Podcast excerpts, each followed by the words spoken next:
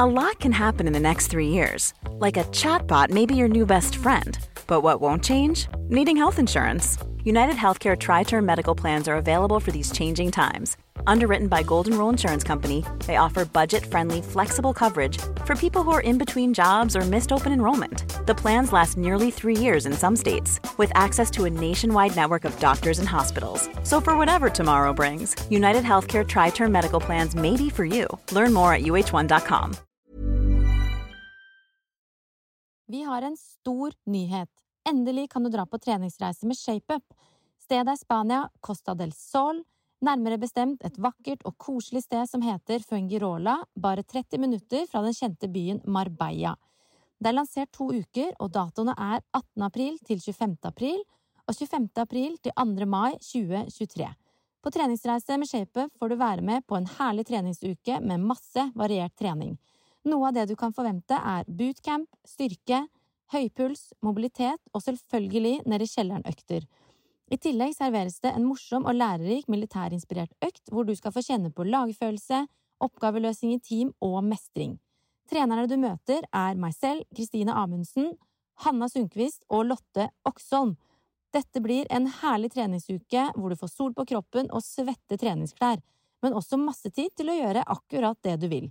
Kanskje vil du trene masse og ligge litt på solsenga, eller kanskje vil du ligge masse på solsenga og trene litt. Det er helt opp til deg. Reis sammen med flere, eller kom alene. ShapeUp-trenerne skal ta godt vare på deg, og når du reiser med ShapeUp, er vi én stor familie på tur. Pris for én uke er 13 490 kroner per person. Alle som reiser på treningsreise med ShapeUp, får egne leiligheter som ligger på stranda. De har dobbeltseng, stort bad, kjøkken og privat veranda med fantastisk utsikt mot havet. Du finner all info og link til påmelding på ShapeUp sin egen Instagram-profil ShapeUp Norge. Sjekk det ut, og bli med oss på tur! Halloen fra babybobla! Åh, endelig er han lille Jakob på utsida av kroppen. Han kom til verden nå for tre uker siden, og jeg er helt inne i bobla her med søvnmangel, amming og bleieskift og alt som hører med. Oh, så jeg ville bare gi en liten lyd ifra meg her. Jeg kommer til å komme tilbake i januar i Sporty mamma. Da skal jeg jo selvfølgelig komme med detaljene fra annet fødsel. Stikkord det var helt vilt. Det ble en styrtfødsel i badekar uten smertelindring. Eh, ja, villeste jeg har vært med på i hele mitt liv. Så det er bare å glede seg. Eh, dagens episode ble spilt inn for eh, noen måneder siden, faktisk. Vi måtte jo være litt sånn i forkant, siden jeg kunne gå ut i mammaperm anytime. Ja, jeg ville bare si god jul, nyt episoden. Så er jeg tilbake i Sporty mama i januar. Enn så lenge holder hun eh, Lotte trykket oppe med nydelige gjester i jula, så bare å glede seg til veien videre her. God jul! Hallo, kjære lytter. Dagens gjest er Thea Martine Olsen. Vi er begge to like gamle fra Harstad, og det er jo sånn at der oppe vet jo så å si alle hvem hverandre er. Så derfor har jeg fått med meg at hun deler åpent om si IVF-behandling til sine 12 000 følgere på Instagram. Og det er jo sånn at som regel hører man intervjuer med foreldre som har fått barn ved hjelp av IVF, og som forteller åpent om denne prosessen og veien mot målet. Men derfor tenkte vi at det var fint å høre fra noen som står i denne prosessen akkurat nå, og som enda ikke helt vet hvordan utfallet kommer til å bli. For det er jo ingen hemmelighet om at det er veldig mange der ute som trenger hjelp til å bli gravid. Og heldigvis er det jo mange som snakker høyt om det i dag, og jeg tror virkelig det er til stor hjelp. For jeg kan bare forestille meg hvor altoppslukende og energikrevende det er å stå i en sånn prosess. Og ikke minst må man jo som kvinne ta masse ulike medikamenter som kan gi bivirkninger, og det kan være kostbart, og ja. Jeg merker at jeg er nysgjerrig på bare hvordan hele denne prosessen fungerer. Og ja, jeg er veldig glad for at Thea vil komme og snakke med oss i dag. Så da tenker jeg at jeg går og henter henne inn i studio, så da gjenstår det bare å si god lytt. Sporty mamma.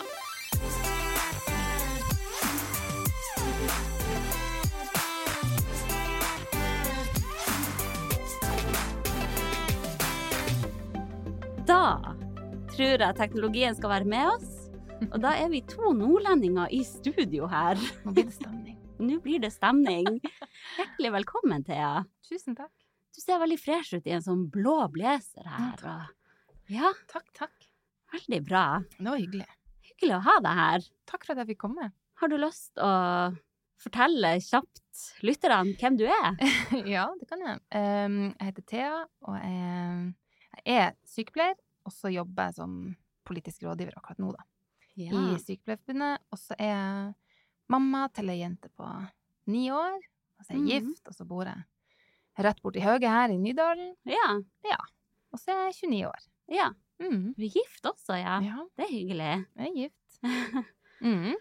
For ja, du har jo ei datter på ni år, Mm. og du ble da gravid som 19-åring. Mm. Stemmer. Hvordan eh, var det? Ehm, det var på ingen måte planen min. Jeg hadde en solid tiårsplan med liksom studier og leve Mm. livet og uh, alt mulig. Jeg hadde ingen planer om å få barn på det tidspunktet, i hvert fall. Og så eh, ble det noe litt rot med noen resepter på prevensjon midt i ei flytting, og et Ja. par dager eh, ut av planen, og så var det Da var det gjort. Da var det gjort. Og da var egentlig valget ganske enkelt. Jeg hadde vært i lag med kjæresten min i fem år. Vi møttes da vi var 14. Ja. Typ. Og det er han du er gift med nå? fortsatt? med. Ja. Mm.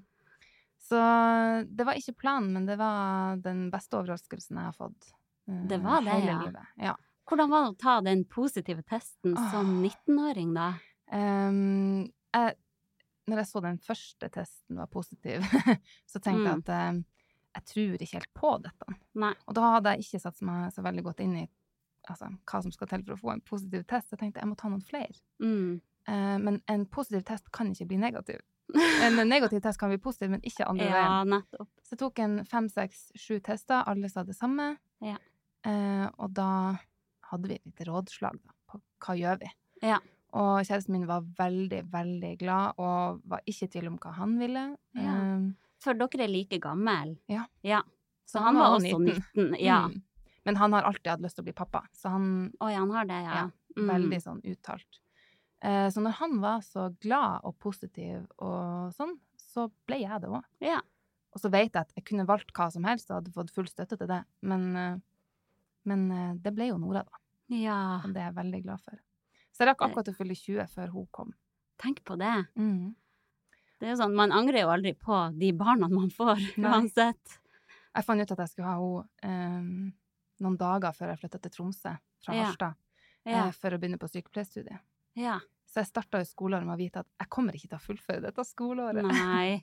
Så det er om å gjøre å komme lengst mulig og Mm. få fullført mest mulig, og det gikk veldig bra. Ja. Det gjør jo det. Det gjør jo det. Man Mm. får det til å funke. Ja. Men hvordan var det å gå gravid som eh, 19-åring, da? Jeg husker jo sjøl, jeg 19 år oppe i Harstad der, det var mye hollois. Jeg gikk jo inn i fadderuka med liksom uh, ingen mage og en hemmelighet, på en måte. ja. Uh, sånn at uh, Men det gikk veldig bra. Kom liksom inn i det sosiale miljøet, og det var ikke noe problem. Men det var Mm. ingen av mine venner som kunne relatere til liksom det å være Nei, gravid. Um, så det, den store liksom, nedturen var på en måte å oppleve at man ikke ble invitert på de samme festene. ja. Eh, og det er kanskje litt sånn det blir når, når man er litt umoden og i starten av 20-årene og liksom tenker at ah, du er. Nei, du er gravid, du kan ikke være med på, Mm. på fest, liksom. Ja. Så det syns jeg var litt sånn utfordrende. Å bli ekskludert på grunn av det, ja. Mm. Herregud, man kan jo være med selv om man ikke skal drikke alkohol. Ja. Og jeg var jo kjempefrisk, liksom. Altså, Ja. ung og frisk eh, gravid kunne være med på. Mm. Altså, jeg var ferdig i praksis ei uke før jeg fødte. Da var jeg på, hadde hatt ti uker praksis på sykehjem. Holy Den plassen shit. hvor det er kanskje mest bøy og tøy og ned og ta på sko og eh, Så på en måte, jeg kunne være med på hva som helst, men opplevde nok at jeg ble litt sånn sosialt utafor det liksom, sosiale livet til en 19-åring. Mm. Men eh, bortsett fra det, så syns jeg det var helt topp å være kjempeung og gravid. Altså, Ja. hadde masse Jeg sov masse, men hadde få andre plager. Mm. Og nå som jeg nærmer meg 30, så merker jeg jo liksom at jeg har jo flere plager nå enn jeg hadde som 19 og 19 og gravid. det er jo helt sykt. Men hvordan var det å føde, da? Hvordan opplevde du det? Eh, jeg ville født eh, ti ganger heller enn å gå gravid igjen, for jeg Ja. syntes det var helt fantastisk å føde. Å, du syns det? Og jeg hadde til og med det som de egentlig betegna som en litt sånn eh, traumatisk slutt på fødselen. Å? Fordi eh, hjerterytmen til babyen sank imellom riene, og det er liksom Mm. ikke så godt tegn. Så på et tidspunkt så ble liksom den her store alarmen på veggen utløst, og Oi. det kom Vi gikk fra én til syv-åtte helsepersonell i rommet, og det var liksom Ja. litt baluba. Um, men jeg fikk liksom en god prat med de som hadde vært med etterpå, Mm. og fikk forklart alt, og følte meg liksom sånn trygg på min egen historie, og at jeg hadde gjort alt jeg kunne, og det hadde dem òg, og det hadde gått helt fint. Ja. Så jeg har liksom jeg har bare sånne fine tanker om den fødselen, og Mm. fikk ei frisk og veldig lita jente på to kilo Ja. eh, i armene etterpå, og ja, jeg syns det var en kjempe sånn stor mestringsopplevelse. Aldri vært med på noe lignende. Mm. Nei. Jeg tror kun det er fødsel som kan måle seg med en fødsel, på en måte. Ja, det er jo helt uh, unntakstilstand. Fikk du bedøvelse? Jeg ba om epidural, og da sa de at eh, det tør vi ikke, fordi da er vi redde at det skal stoppe opp litt. Å ja. Sånn at uh, da var det bare å bite tennene sammen. All natural! Ja. Oi, oi. Og den lystgassen kan jeg få gratis av meg, fordi det, oh, ja. det er liksom Jeg kunne pusta inn i en pose heller. Altså sånn Ja, det funka ingenting. Nei, jeg merka ingenting av det. Nei. Men det er sikkert smart da, for å liksom ha noe å jobbe med. Ja, det ha jeg fokus på pust, ja. Ja. ja. Men uh, ja. Ellers all natural. Ja, så kom hun ut. Du var akkurat fullt 20 år. Hvordan var det å gå rundt som 20-åring da med en liten baby? Å, herlighet. Altså eh, På mange måter helt perfekt, liksom. Altså Ja. Jeg syns det var helt fantastisk å få, og jeg liksom jeg, jeg gråt ikke under fødselen, og sånn, men jeg, liksom, jeg bare visste med en gang at liksom, jeg elsker henne, jeg gjør alt for henne. Liksom. Mm. Jeg er villig til å gjøre alt for den ungen. Ja. Og så um, så var ikke hun så gammel når jeg liksom først tok kontakt med liksom både føden der jeg hadde født, og legevakt og sånn, og hadde eh, ganske vondt i magen. Mm. Og som sånn 20-åring så vet man ikke nødvendigvis hva man skal forvente, og jeg var ikke så veldig flink til å liksom stå opp for meg sjøl og kreve noe særlig sånn Altså, ta Ja. en titt, hallo, Ja. eh, dette kan ikke være normalt, liksom. Er dere sikre på at jeg bare skal slappe av, og Mm. det skal være sånn? Så etter seks uker på sånn eh, kontroll hos legen, da, hos fastlegen min, jeg hadde en veldig god fastlege, som en gang jeg på en måte snakka om at jeg hadde litt vondt i magen, så skjønte hun hva dette var, at det ikke var helt greit. Så da var det liksom fort en gynekolog, og fort på sykehuset samme dag, og så viste det seg at jeg hadde en eh, kjempeinfeksjon i magen. Oi. En sånn postpartum-infeksjon, da. Som Ja. man jo kan få, men som man som 20-åring kanskje ikke går rundt og er veldig bevisst på. Man må, Og du kjente tenk bare smerte sånn nederst i magen da? ja, sånn Ja. konstante mensensmerter, sånn verk Ja. Da liksom tenkte sånn, ja ja, jeg har nå født, liksom, så Mm. hva skal man forvente da? Ja. Um, og ble liksom, når man da blir avvist av helsevesenet et par ganger, så tenker jeg sånn, ah, ok, slutt å bæsje. Mm. Uh, det går bra, det er bare sånn det skal være. Ja. Men um, det viste seg at det, de var litt usikre i starten på hva det var, da. Men det viste seg at det var en stor infeksjon, så jeg ble sånn semihasteoperert Eh, ja. når Nora var åtte uker gammel. ja. Og da hadde den infeksjonen gjort ganske sånn stor skade i bekkenet. Så liksom, ja. den dag i dag så har jeg liksom sammenvoksning i bekkenet, og egglederne mine har vært spilt ut så mye at de har ikke noe funksjon. Å ja, er det sant? Ja. Huh. Så på det tidspunktet så fikk vi liksom beskjed om at det kan bli vanskelig å få flere unger. Oh, ja. Men når du da har vært mamma i eh, to måneder, Ja. og liksom har vært gjennom en kjempeoperasjon, og du er 20 år og har nok liksom med det du har, Mm. så er det ikke det du på en måte legger deg på minnet at at det må vi passe på. Liksom. Nei, det, det er ikke det det som er i fokus når du akkurat har født og er så ung. Nei. Nei, virkelig. Nei. Så vi beit oss liksom ikke noe merke i det sånn, før vi begynte å snakke om å få flere unger noen år seinere, da. Ja. Vi hadde liksom aldri det som noen sånn motivasjon til å skynde seg, eller Nei. Ja. Nei, nettopp. For uh, etter ei stund så fikk jo dere lyst på flere barn, da. mm. Hvor lenge etterpå Var det dere begynte å snakke om det? Mm, jeg brukte ganske lang tid på å komme meg etter liksom den der helserunden etter Ja. fødsel. Sånn at uh, første halvannet året så syns jeg det var skikkelig tøft å liksom komme tilbake til seg sjøl, både fysisk og liksom mentalt. Bare det å gå uten å ha vondt var liksom oh, ja, Det var der vi starta. Ja. Og Men etter å liksom komme tilbake til studier, fullført bacheloren min, Mm. eh, liksom funnet tilbake til meg sjøl som person i tillegg til å være mamma, Mm. så begynte jeg å kjenne på at jeg, jeg kunne kanskje tenke meg flere. Mm. Og så syntes jeg liksom at hun Nora som vi hadde, liksom, hun fylte bare opp liksom rommet og livet, og som, Ja. så jeg savna på ingen måte liksom noe mer enn Nei. hun. Jeg hadde liksom hadde hun, og det var masse mer enn nok på alle, alle fine måter, liksom. mm. Men når hun var en tre-fire år, så snakka vi om at vi kunne tenke oss flere. Ja. Eh, og at det kunne være lurt at vi begynte tidlig, da. Mm. Eh, selv om mange liksom tenker at det er ikke så tidlig å begynne fire år etterpå. Men for oss så var det det som passa. Mm. Og så visste vi at vi kanskje måtte ha litt hjelp. Fordi Ja. de hadde sagt det de hadde sagt på Ja. sykehuset. Nettopp. Da... Så det er sånn ca. seks år siden dere eh, begynte å prøve å få et andre barn, ja, det, Ja. det er sånn fem-seks år siden jeg slutta på prevensjon. Ja, nettopp. Og da prøvde vi liksom på egen hånd et år først, for å se Ja. hva som skjedde, og da var vi liksom under 25. Og da sa de Mm. at dere må ha prøvd i ett år, og dere må ha bikka 25 for å få henvisning til det offentlige. Å ja, for det er sånn reglene er. Mm, det var i hvert fall sånn da, på det tidspunktet. Ja. Og så var det også sånn Fikk vi da vite, etter en stund Jeg husker ikke helt liksom, tidslinja på det, men vi fikk òg vite at Rikshospitalet, som var dit vi liksom sogna til, Mm. de tok ikke imot barn som hadde felles, nei, par som hadde felles barn, fordi de hadde ikke kapasitet til å tilby det som heter søskenforsøk. Oh, Altså, ja. Eh, IVF-forsøk for de som har felles barn fra før. Det hadde de ja. ikke kapasitet til. For da, da er man på en måte litt lavere på den prioriteringslista, Mm. da, hvis man har et barn fra før av. Mm, Da Ja. ville prioritere de som ikke hadde barn i det hele tatt. Ja, og det, det skjønner jeg liksom fra et sånn Så jeg hadde ikke noe um, hadde ikke noe behov for å liksom krangle på det. da. Jeg hadde Nei. veldig respekt for det og forsto det kjempegodt. Mm. Men så noen måneder senere så åpna de for det igjen. Oh, ja. Så da sendte fastlegen vår en ny henvisning. Ja. Og da ble vi um, godkjent hos Rikshospitalet. Men det som hadde skjedd i mellomtida der, var at eh, livet går jo sin gang, og plutselig så hadde vi fått muligheten til å flytte ut av Norge i en Ja. jobbsammenheng. Og da Det fikk vi vite samme uka. Ah.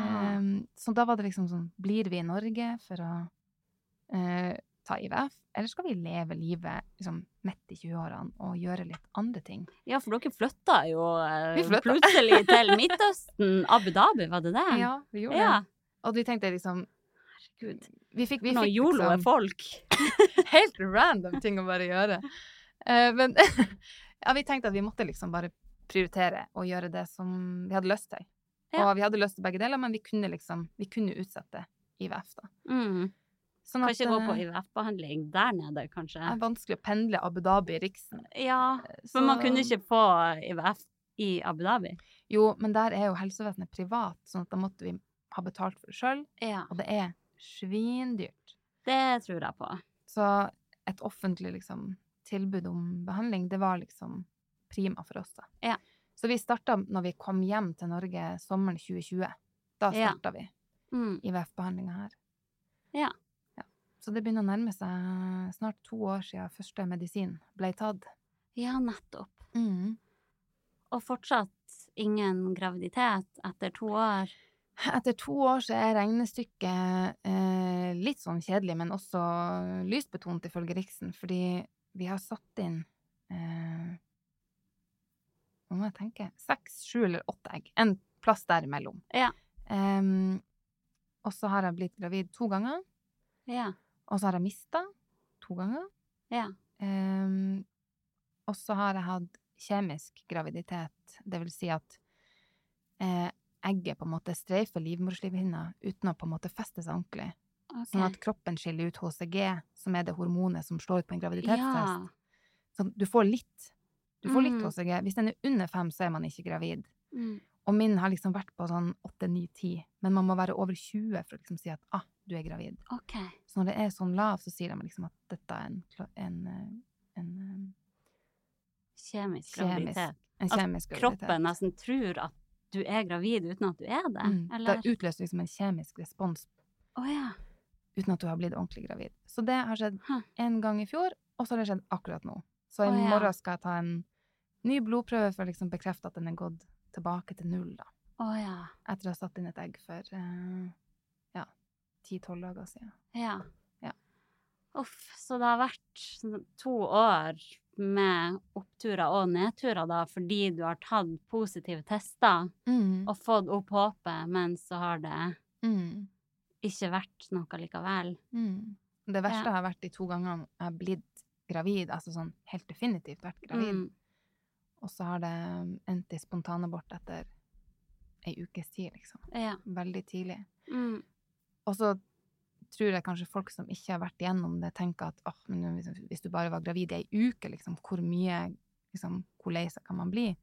Men vi har ønska oss flere barn i mange år. Ja. Sånn at alt det håpet og den gleden er liksom, den står helt liksom klar Ja, til å bli sluppet løs. Virkelig.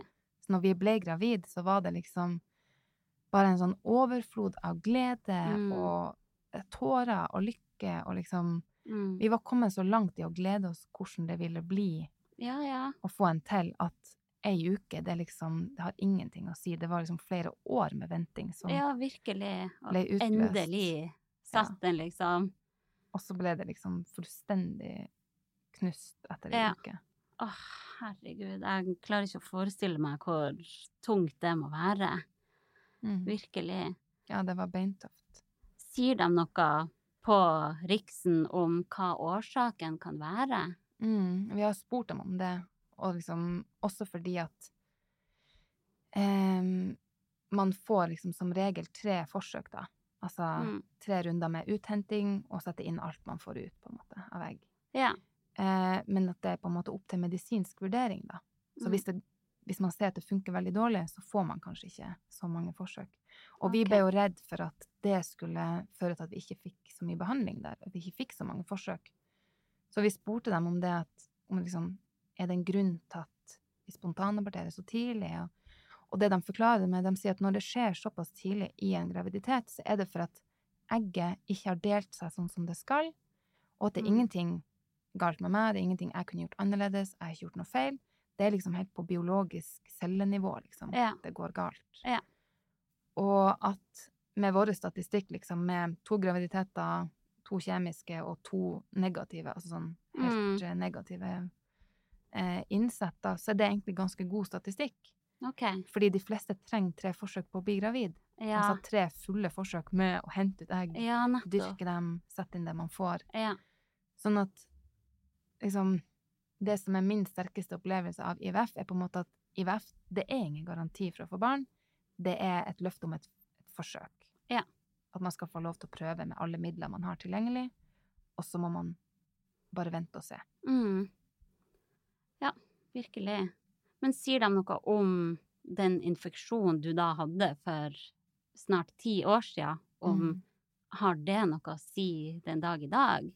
Altså, man blir jo utreda når man starter med IVF, Mm. før at man liksom skal vite um, hvordan er ståa, kan vi liksom vite før vi går i gang hva som er galt, at de sjekker jo sæden til mannen, og de sjekker liksom hvordan det står til med, med dama og hormoner i kroppen, og liksom, hva er utgangspunktet da.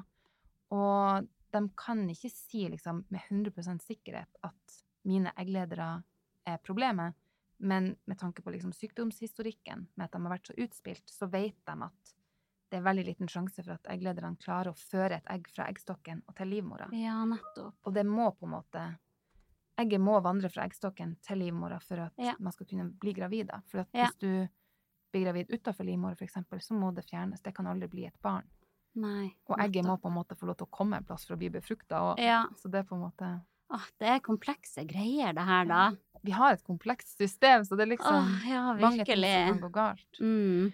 Men, eh, men de sier at det er ingenting som tilsier at livmora ikke kan bære fram et barn, eller at det liksom at jeg har for dårlige egg, eller for gamle Nei. egg, for det er jo også veldig viktig hvor Ja. gammel man er når man bruker de eggene sine. Mm. Eh, så de sier liksom alt i alt De har trua på at det skal gå, Ja. og at det handler om å finne riktig egg, på en måte. Ja, nettopp. Ja. Så da blir man jo litt håpefull, sjøl om det er Ja, ja. helt sjukt demotiverende å liksom tenke at ja, ja, kanskje blir jeg gravid, men kanskje holder det ikke for det. om. Mm.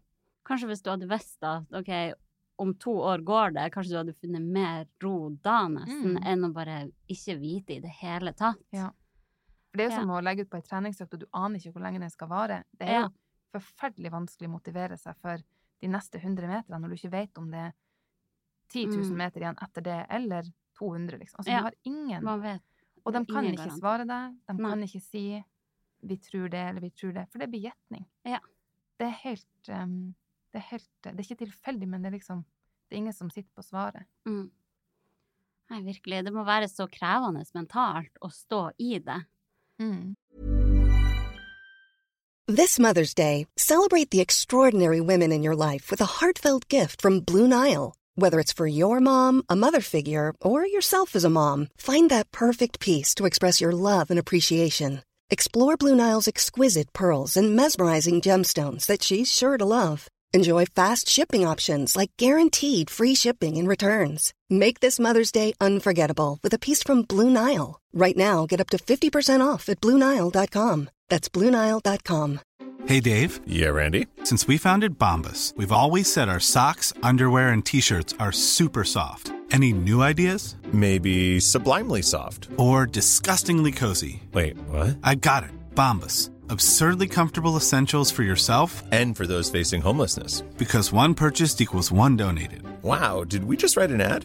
Yes. Bombas. Big comfort for everyone. Go to bombas.com slash ACAST and use code ACAST for 20% off your first purchase. Har du noen sånn uh, grep du gjør for å takle det? Mm. Jeg gikk jo inn liksom i starten på det her med veldig sånn åpent sinn om at jeg må bare ta det som det kommer, og være snill med meg sjøl, og på en måte ja, se litt an hvordan medisinene påvirker meg, og hele forløpet.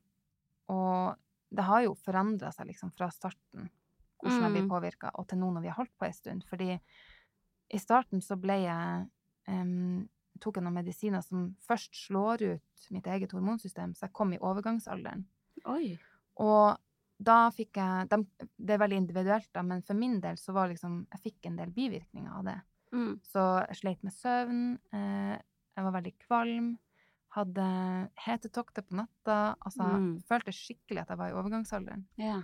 Og ble egentlig ganske ut av det sånn fysisk og mentalt, og ble veldig sånn nedstemt. og- Som 28-29-åring å være i overgangsalderen. Ja. og så er det ikke så liksom- deilig ut. Nei, det er skikkelig sånn Ja, gå på jobb liksom og, og sitte liksom og tenke herregud, jeg brenner opp. Ja. Jeg får ikke puste, jeg har ikke sovet mer enn tre timer. Altså sånn, Ja. man, blir, man kan bli litt satt ut, og jeg ble det. Ehm, og det er liksom ikke så mye man kan gjøre med det, føler jeg. Det er det som er den vans vanskeligste biten, fordi de bivirkningene av medisinene, de kan du på en måte ikke velge bort, eller Og du kan liksom ikke lindre dem nødvendigvis så mye. Nei. Du kan ta en kvalmetablett, liksom, men Mm. det er noe litt uh, hipp som happ om det fungerer eller ikke. Mm. Og det å føle at du liksom blir på en måte um, holdt tilbake fra livet ditt på grunn av en prosess du har valgt sjøl, Ja. det er litt sånn mentalt krevende, fordi må, det, det er liksom opp til deg sjøl å finne en måte å håndtere det på, samtidig som du håndterer det at du har veldig lyst til å komme i mål med den behandlinga. Mm.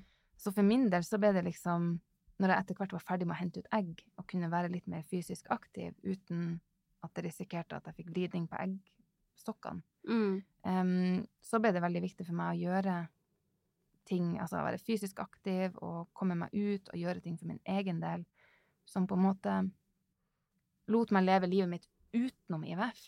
Ja. At, ikke var, at alt ikke skulle handle om det, for det, det gjør det på en måte i de Man der blir inni den bobla der, for man har så lyst at det skal gå også, sikkert. Ja, og så er man villig til å prøve alle kjerringråd og liksom leve så optimalt som mulig. Mm. Og så er det noen som sier åh, når jeg droppa alt og bare slappa av, så gikk det. Ja. Når noen, sa, noen sier sånn ah, når jeg ga opp, da gikk det. Mm. Åh, når jeg gjorde alt riktig, da gikk det. Ja, Så jeg, liksom, jeg har ikke noe tro på liksom, sånn der, eh, man skal finne en sånn skikkelig sånn absolutt måte å gjøre det på. Jeg tror bare at man må finne den balansen som fungerer for en sjøl. Mm. Og for min del så handler det om å, at når IVF-prosessen krever at jeg legger bort trening og sånne ting, for å ikke bli risikere en ny operasjon eller sånne ting, Mm. så gjør jeg det. Ja. Så gjør jeg heller andre ting for meg sjøl i den perioden. Og når jeg har klart vindu til å kunne trene og gjøre sånne ting, så gjør jeg det. Mm. Og det er liksom det jeg har lært på snart to år med IF, er liksom at jeg har, jeg har laga meg noen lister med liksom ting jeg trenger å gjøre for meg sjøl, Mm. som er liksom en liten verktøykasse jeg kan hente fram, da. Mm. Og det har jeg egentlig måttet lære gjennom å bare bli vant med IVF-prosessen og Ja. eh, bli kjent med den og meg sjøl i IVF-prosessen, liksom. Ja. Jeg tror det er så viktig, og det høres ut som at du klarer å takle det på best mulig måte. Men jeg tenkte å spørre deg litt mer sånn i detalj om alle disse medisinene Mm. du må ta. Mm. Eh, hva er det du må ta, og hvordan bivirkninger har det? Mm. Jeg har jo sett at du legger ut videoer at du setter sprøyte på deg sjøl, blant annet. Ja. Um, det er jo litt sånn forskjellig fra person til person hvilken type behandling man får, fordi det kommer litt an på hva som er utgangspunktet, da. Ja. Eh, og så, Jeg er jo sykepleier, men jeg har aldri jobba liksom med den spesialiserte behandlinga på IVF, sånn at jeg kan liksom ikke alt om alle tingene, men jeg kan jo mitt eget forløp Mm. ganske greit, da. Og eh, første gangen Nå er vi på andre forsøk, og på første forsøk så hadde vi lang protokoll. Og da bruker man først noen uker på å eh, liksom stoppe kroppen sin egen hormonproduksjon, Mm. før man da eh, etter en stund tilsetter andre medisiner, gjerne i sprøyteform, da, Ja. som gjør at um, eggposene skal hente fram flest mulig liksom, egg. For vanligvis så har vi liksom én eggstokk som slipper ett egg en Ja. gang i måneden i hver syklus. Ja. Men med IVF så ønsker man jo å få fram flest mulig for å få ut flest mulig egg på én syklus. ja. Så da stimulerer man eggstokkene til å lage masse sånne eggposer, og så skal de bli av en viss størrelse før man planlegger å hente dem ut, fordi at det øker sjansen for at man får et egg med kvalitet som kan brukes Mm. i den posen. Mm. Så um, på kort protokoll så går man bare rett på de sprøytene. I hvert fall har jeg gjort det. Mm. Da har jeg sluppet den nedreguleringa først. Da har man bare tatt sprøyte for å stimulere fram masse egg. Ja. Som Som du da da- setter på deg sjøl i magen. Ja. Ja. Og da får man jo opplæring på sykehuset sånn. Du skal ta disse to sprøytene. Ja. På dag én tar du denne Mm. og den tar du hver kveld, eksempel, Mm. fram til dag fire. Og da skal du tette denne sprøyta. Ja. Da skal du legge den til på morgenen, eksempel. Ja. Så på et tidspunkt så tar jeg liksom to sprøyter om dagen og setter Mm. på meg sjøl. Ja. Og noen av dem er sånne på en måte ferdig oppfylte penner som du bare skal sette på en tupp. Ja. Og så setter du sprøyta i magen eller i låret på deg sjøl, Mm. alt etter hva de har sagt. Um, og jeg er jo sykepleier, så jeg er vant til å stikke andre folk. Ja. Jeg er faktisk ganske glad i å stikke, enn hvor eh, fælt det høres ut. Men å stikke seg sjøl er for meg en sånn absurd følelse, Ja. hvor jeg mister Av og til så mister jeg kontroll på armen min fra liksom albuen og ned, fordi at en del av armen min har lyst til å beskytte meg sjøl hvis Ja, et ja. Å, herregud. Det er jo det strider mot instinktet å skal stikke seg sjøl. Ja, sjøl om den nåla, i hvert fall på den ene sprøyta, er kjempe, kjempe, kjempelita Ja. og tynn. Og jeg vet helt sånn logisk at det gjør ikke vondt. Men det er rart hvordan underbevisstheten bare reagerer. Jeg kjenner jeg blir helt klam i hendene bare av å tenke på det nå. Uff. Men du gjør det i hvert fall, og det har du gjort Ja. ganske mange ganger. Er Så nå har du kanskje blitt eh, rutinert. Å nei, det blir nesten litt verre. Å ja. Ja, altså sånn, det er rent praktisk med liksom at jeg liksom pakker opp sprøytene og kobler den på riktig og alt det der, det er greit. Mm. Men akkurat det å stikke meg sjøl syns jeg blir verre og verre. ja. Sikkert for at jeg begynner å bli litt sånn mentalt lei av å liksom motivere meg sjøl for å få Mm. det til. Eh, så nå den siste runden så måtte jeg blant annet sette ei sprøyte på meg sjøl på badet under et bryllup. Oi. Og da klarte jeg å stikke meg sjøl i handa for at jeg loka så sykt med den der sprøyta. Jeg angra meg, trakk den tilbake og prøvde på nytt og traff handa i stedet. Å. Og da tenkte jeg bare sånn Du må bare se på det her som komisk. Og en dag så lykkes vi, og da kan vi flire av at liksom jeg sto og stakk meg sjøl i nevene på et toalett i et bryllup. Ja. Eller på flyplassen på et lite do hvor jeg bare Nå er klokka der, så nå må jeg sette den Ja. sprøyta. For mange av de medisinene Mhm. er liksom De må settes på klokkeslettet. Ja. Så du må bare finne en måte å gjøre det på. Det er ikke Uansett. rart det blir altoppslukende i livet ditt, da. Nei. Når du er så bundet til den der medisintimeplanen. Mm. Virkelig. Du må liksom tilrettelegge Ja. jobben, sosialt, familien, rundt at du kan gjøre de riktige tingene på rett tidspunkt. Ja, nettopp. Men eh, hvordan type bivirkninger kan man regne med å få? Eh, det er jo veldig individuelt sånn fra person til person, Ja. og så kommer det veldig an på hvilken type medisiner man tar. Mm. Em, de sprøytene jeg tar for å få fram egg, dem har jeg egentlig kun hatt ei bivirkning av, og det er at jeg blir helt sykt oppblåst. Mm. Og det ble jeg ikke sist, men det ble jeg denne gangen. Så jeg håper at det er litt sånn, kanskje fra gang til gang, da. Ja. Men eh, altså, jeg skulle, jeg skulle ikke få igjen buksene mine. Nei. Så eh, heldigvis så var dette nå i august nå siste gangen, sånn at da kunne jeg på en måte kjøre på med kjoler og sånn. Mm. Ellers så vet jeg ikke hva jeg skulle kledd meg på jobb. Nei. For jeg, jeg fikk fysisk ikke lukka buksene mine. Men er det vondt og ømt også, Ja. eller er det bare at det er veldig Ja, det er helt sjukt vondt. Er det luft, liksom? Det Og det er ikke luft som kommer ut heller, det er bare liksom Jeg skjønner ikke hvor det gjør Nei. av seg. For det er bare Men det er vel eggstokkene som svulmes opp for at det skal stimuleres? Ja, og så påvirker det sikkert tarmene litt òg. Ja. Ikke vet jeg, men liksom Mm. hormoner styrer jo alt i kroppen. Mm. Eh, alt fra liksom temperatur til fordøyelse til Ja. liksom Ja, alt mulig. Sånn at eh, da fikk jeg virkelig merke på en måte at eh, de hormonene, de slår ut på liksom De setter i gang en eller annen ballongeffekt. Ja. Men utover det så har ikke jeg hatt noe særlig bivirkning av de sprøytene. Og det tenker jeg liksom, det er òg viktig å si at noen kan få lov til å bare liksom ha ei bivirkning, eller Mm. ingen, eller, Ja. eller sånn. Og jeg hadde jo har hatt ganske kraftig bivirkning av den første medisinen jeg tok som skulle regulere meg ned. Mm. Det er liksom, jeg følte jeg kunne sjekke av alt på lista. Alt Ja. fra nedstemthet til eh, søvnvansker og ditt Mm. og datt. Eh, så etter den første, det første forsøket vårt med lang protokoll og mest medisiner, så ble jeg så satt ut av de bivirkningene at jeg ble sykemeldt fra jobb Ja. eh, i en periode. Fordi at jeg hadde ikke sjans til å fungere Mm. når liksom totalbelastninga av de bivirkningene var så stor. Um, og det bare Det gjør at man føler seg litt sånn mislykka. Mm. Fordi her må man liksom behandles i hodet og ræva for å klare å bli gravid. Og så skal man i tillegg ikke jobbe. Ja. Og liksom ikke kunne være seg sjøl. Og jeg elsker å gå på jobb. Jeg Ja. kjempegodt på jobb. Så for meg å miste det i tillegg var bare helt sånn Herregud, hva gjør jeg nå? Mm. Så jeg brukte ja, kjempelang tid på å liksom akseptere det, og um, liksom skjønne at jeg må bruke tid på å jobbe meg tilbake. Ja.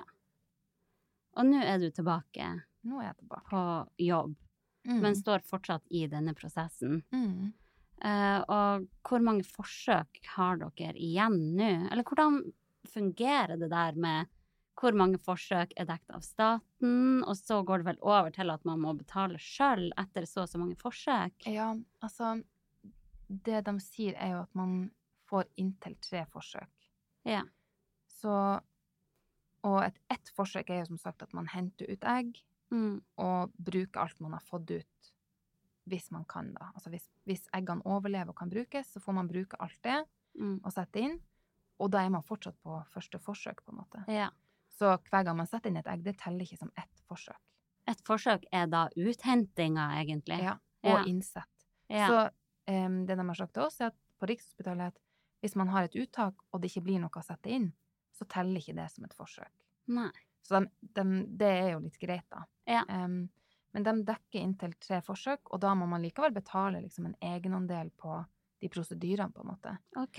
Eh, Hvor mye er det på, sånn cirka? det kan være alt ifra liksom En kontroll er liksom gjerne på eh, 200 og et eller annet Mm. kroner. Det er liksom egenandel for kontrollen. Og det blir jo noen kontroller.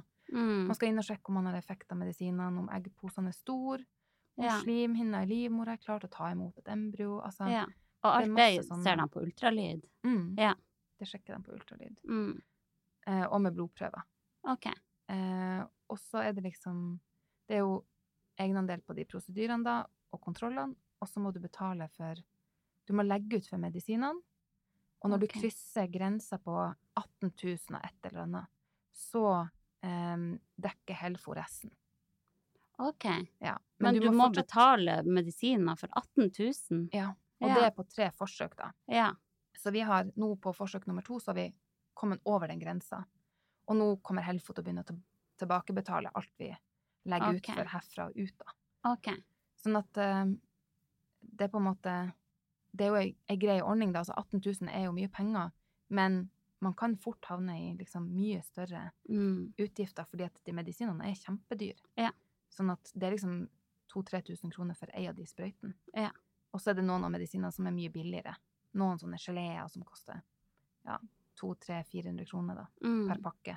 Ja. Eh, men de sprøytene kan være helt hinsides dyr. Mm. Sånn at eh, det er veldig bra at man har ei ordning hvor man får refundert Ja. alt over 18 000 i hvert fall. Ja. Så man kan fort havne på 40 000-50 000 Ja, kroner. ja. Sånn Herregud. Sånn man, eh, man kan jo gå privat og få IVF-behandling òg, og da betaler man jo både for behandlinga og for medisinene. Ja. For når man da bruker opp disse tre forsøkene, må man da gå privat etter det? Det er det som er alternativet. Ja. Og da koster det jo per ja, uthenting og innsett og Mm. alt. Så da kan man jo potensielt ende opp med å bruke mange, mange tusen, da. Mm. Det ja. Vi kjenner flere som har brukt flere hundre tusen på, Ja. på drømmen om en baby, liksom. Mm. Og det er jo det er jo ikke alle av oss som sitter med liksom et par hundre tusen på konto, klart å splæsje på hva som helst. virkelig. Så det er, det er ikke småpenger. Mm. Men er det noe aldersgrense? Er det noe øvre og nedre aldersgrense for å få IVF-behandling på Eller dekt av staten? Jeg vet i hvert fall at da vi søkte, så måtte vi være 25. Ja. Um, og øvre aldersgrense, der vet jeg ikke helt, men eh, jeg vet i hvert fall om folk som har fått behandling når de er 40 og 41 og 42, men etter det så begynner det å bli vanskelig. Ja, nettopp. Og det har jeg oppfatta liksom at handler om at den medisinske statistikken på å lykkes er såpass liten at det offentlige tilbudet har nok lyst til å prioritere de man tror man klarer å hjelpe. Ja. Med sikkerhet, liksom. Ja. Skjønner. Så ja, jeg tror det handler litt Mm. om det. Men jeg forstår veldig godt de som er, føler at de har det travelt fordi de begynner å nærme seg sånn øvre aldersgrense. Mm. For det handler også om kvaliteten på eggene. Ja, nettopp. De sier jo det at um, eh, veldig mange venter for lenge. Sånn at kvaliteten på Ja. eggene er rett og slett blitt for, for dårlig til at man får til Mm. å gjøre noen gravid. Ja. Og det er jo kjempetrasig å Mm. komme med det store barneønsket, og så ikke engang få tilbud om hjelp. Nei. Og så er det jo noe, noen regler på BMI og liksom hvor høy BMI man kan ha for å få Å ja, det er det også, ja. Mm. Ja. Og det har vært en sånn debatt. Flere som har gått ut og sagt at det offentlige vil ikke hjelpe meg, men det private vil, og her har jeg Mm. fått en unge, så liksom oh, ja. Hvorfor vil ikke det offentlige hjelpe oss å bli gravid? Mm. Nei, det der er jo eh, komplekst, da. Hvordan Jeg skjønner jo at eh, sykehusene må sette noen grenser også, for de har jo sikkert begrensa med ressurser og alt det der. Mm. Så det her er jo virkelig ja, et stort regnestykke, da. Mm. Virkelig. Men sier de noe Sånn, kommer de med anbefalinger til eh, livsstilen din for at det skal ha større sjanse for å lykkes?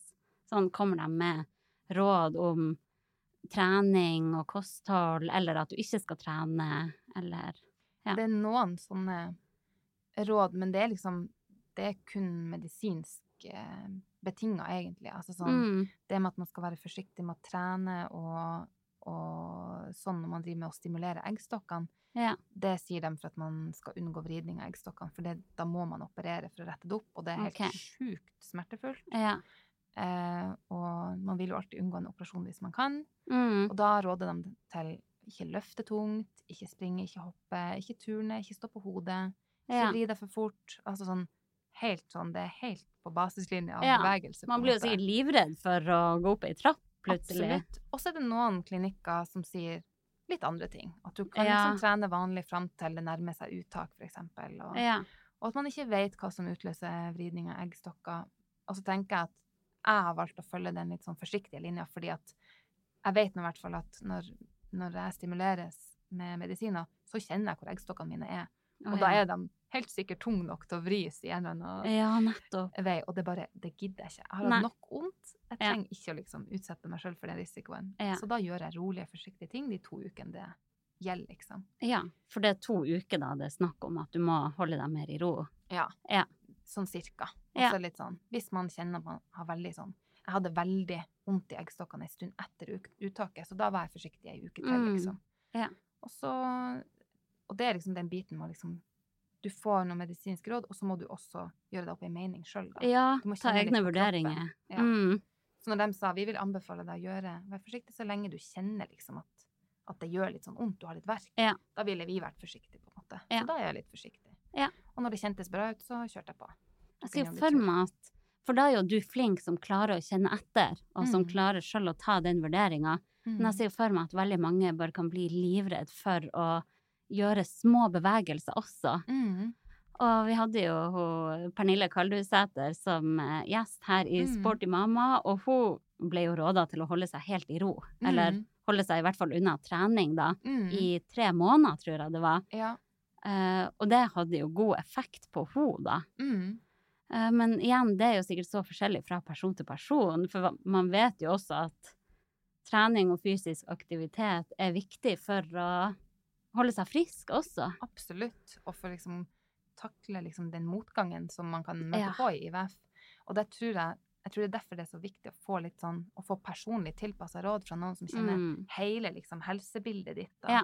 og som kan si at du burde gjøre sånn fordi sånn og sånn, Mm. og du må kanskje vurdere det her og det her. Ja. Og noen som kjenner deg liksom, kjenner deg ordentlig godt, da. Mm. Og derfor er så redd for å ta imot råd fra sånn helt randome plasser, sånn på Instagram, ja. jeg snakker om IVF og sånn. Og så kan det jo hende folk noen gang mener mye forskjellig, og da bruker jeg å tenke sånn, dette må jeg vurdere med ei klype Ja. salt, liksom, fordi eh, de kjenner ikke hele min journal og vet Nei. ikke alt liksom, om meg. Selv om jeg deler ganske mye, så deler jo ikke jeg hele journalen og sykdomshistorikken min. Sånn at eh, man må på en måte vurdere det litt sjøl, og ha noen Ja. som kjenner en godt, da. Ja. Jeg tror det er så viktig, for det kan jo hende at noen har hørt episoden med hun Pernille og hører at OK, det hjelper å bare holde seg helt i ro. Mm. Uh, men hun Pernille, hun har jo trent beinhard crossfit, liksom, og Mm. kjempehøy treningsmengde. Mm. Så kanskje en totalt inaktiv person ikke burde følge akkurat samme råd igjen. Det er akkurat det jeg Ja. tenker, at det liksom Det kommer veldig an på utgangspunktet. Ja. Det gjør nok det. Sier de noe om eh, kosthold? Mm. De sier eh, ingenting om liksom eh, Eller de sier liksom lev sunt og Ja. og så er det jo veldig forskjellig hva folk legger i å leve sunt. Ja. Men de sier jo også at når du på en måte holder på med uttak og har satt inn et embryo, så skal du leve som gravid. Du skal ikke drikke Ja. alkohol, eh, forsiktig mengde med koffein, Um, ikke spise spekemat, og alle de her kostholdsreglene som gjelder for gravide, skal man følge allerede da. Ja. Og det er jo liksom eh, Det gjør jo at man går rundt og behandler seg sjøl som en gravid, når Mm. man håper at man blir gravid. Ja. Eh, og for min del så gjør jo det at liksom, jeg har jo en hvit måned eh, og lever som gravid i to til tre uker Mm. på hver runde av de her IVF-greiene. Mm. Og man blir litt sånn kjørt i hodet av- det å eksempel å være med på en dødsfin restaurant, og så er det vinpakke, og så må du si Ja. sånn Vann og gjennomstekt kjøtt, takk. Ja. Og så vet du at For kanskje jeg er gravid. Ja. Og mest sannsynlig ikke, liksom. Mm. Og det er liksom, noen ganger så er det sånn Det er liksom ikke de store tingene som betyr noe, men eh, det gjør at hvis man må gjøre det der veldig mange ganger i lengre perioder av livet, Ja. så føler man at man liksom eh, burde få noe igjen for det, på en måte. Mm. Man blir litt lei. Ja. Åh, det skjønner jeg så godt. Men er det noen sånn Har du noen tips til andre som har venner eller noen i familien som står i en IVF-prosess? Er det noen sånn Er det noen kommentarer man burde unngå å komme med, for eksempel? Mm. For min del så eh, har det vært viktig å Vi har jo vært åpne med vår familie og våre liksom, Mm. kollegaer og folk rundt oss egentlig hele veien. Og det Jeg har et veldig sånn sårt punkt på at folk, folk skal mene så mye om når det begynner å bli nok for meg, da. Mm. Hvis folk mener liksom at åh, nå må dere vurdere om dere skal gi dere, liksom. Ja. Det syns jeg er kjempevanskelig, fordi at Ja. det er en sånn prosess man har hele tida med seg sjøl. Mm. Hva orker jeg? Hvor mye koster det her liksom for oss? Um, og hvor mye vil vi det? Det er liksom et regnskap man, man egentlig kun kan gjøre opp sjøl. Mm. Så det vil jeg nok råde folk til å ikke liksom mene så hardt om. Ja. Men jeg vil oppfordre folk til å eh, gi de som går gjennom IVF, muligheten til å snakke om det og velge sjøl. Mm. Og si for eksempel em, Jeg er her hvis du trenger å snakke om det, men det er opp til deg. Fordi at kanskje har man behov en dag for å snakke om det og få det ut, og liksom vite at noen tar imot det du strir med. Andre dager så har man lyst til å leve et helt normalt liv og Mm. la IVF gå sin gang. Mm. Em, så det er liksom Det er egentlig de to tipsene jeg vil gi. Ikke men for hardt om andre sitt Ja. IVF-opplegg, og gi dem muligheten til å velge og styre hvor Ja, de har lyst til å snakke om det sjøl. det er fint. Ikke legge seg opp i hvor mange behandlinger som er nok for deg. Mm. Og så er det jo sikkert ja, kanskje ekstra sårt hvis noen står i en IVF-prosess, og så kommer noen helt utenifra og spør eh, skal ikke dere få barn snart. Mm. Det der må man jo Ja. Man skal være forsiktig med å, å mase på barn, på andre Mm. sine vegne i hvert fall. Vi har hørt det fra og Nora var ganske lita, egentlig. I og med at vi fikk Ja. henne så tidlig, ikke sant. Ja. Så har jo folk lurt på når skal dere neste, neste, Skal og ikke ha noen bare hive dere rundt og Ja, smekk på, liksom. for kanskje det er enda lettere å si det til noen som har et barn fra før av også. Mm. Man antar jo at folk kan få barn hvis de først har Mm. fått ett barn. Ja. Men, eh, og jeg visste ikke at det fantes liksom, noe som heter sekundær infertilitet. Nei. For det plutselig var liksom virkeligheten for oss. Ja. Og hadde prøvd i et år, og ikke, det ikke skjedde noe. Selv om vi hadde den historikken med at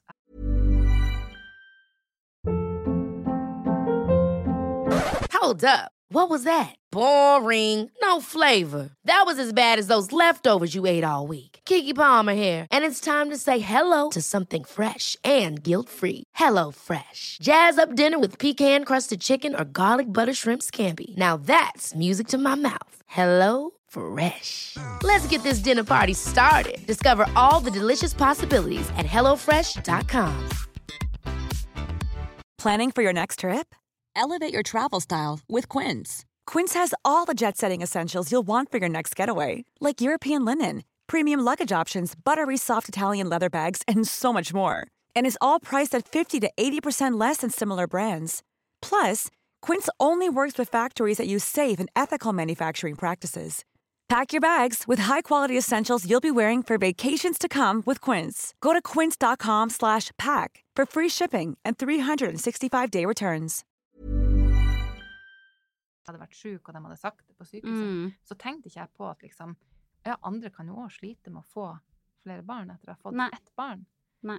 Men, eh, men eh, vi har jo vært åpne om at vi ikke klarer å få flere barn ganske lenge. Mm. Eh, og det gjør at vi har sluppet unna, i hvert fall i nyere tid, veldig mange spørsmål om ja, skal dere ha flere? Skal Ja. dere ha flere? Og så er det jo ikke sikkert alle orker eller har lyst, eller at det passer for dem å være åpne om IVF-prosessen sin. Nei. Så det er sånn generelt råd til folk, liksom, ikke legg dere opp i folk sine planer om barn. Eller ønsker om barn, eller whatever, liksom. Man aner ikke hva folk står i. Nei. Nei, veldig viktig. Men eh, nei, virkelig, jeg krysser fingrene og alt for dere, og jeg er veldig takknemlig for at du deler de historiene her, og at du snakker åpent om det, for jeg, ja, jeg er helt sikker på at det kan hjelpe veldig mange andre i samme prosess. Mm, Åpenhet er viktig. det er det. Mm. Takk for det. Så masse lykke til, Tusen takk. og takk for at du kom. Bare hyggelig. Sporty mamma.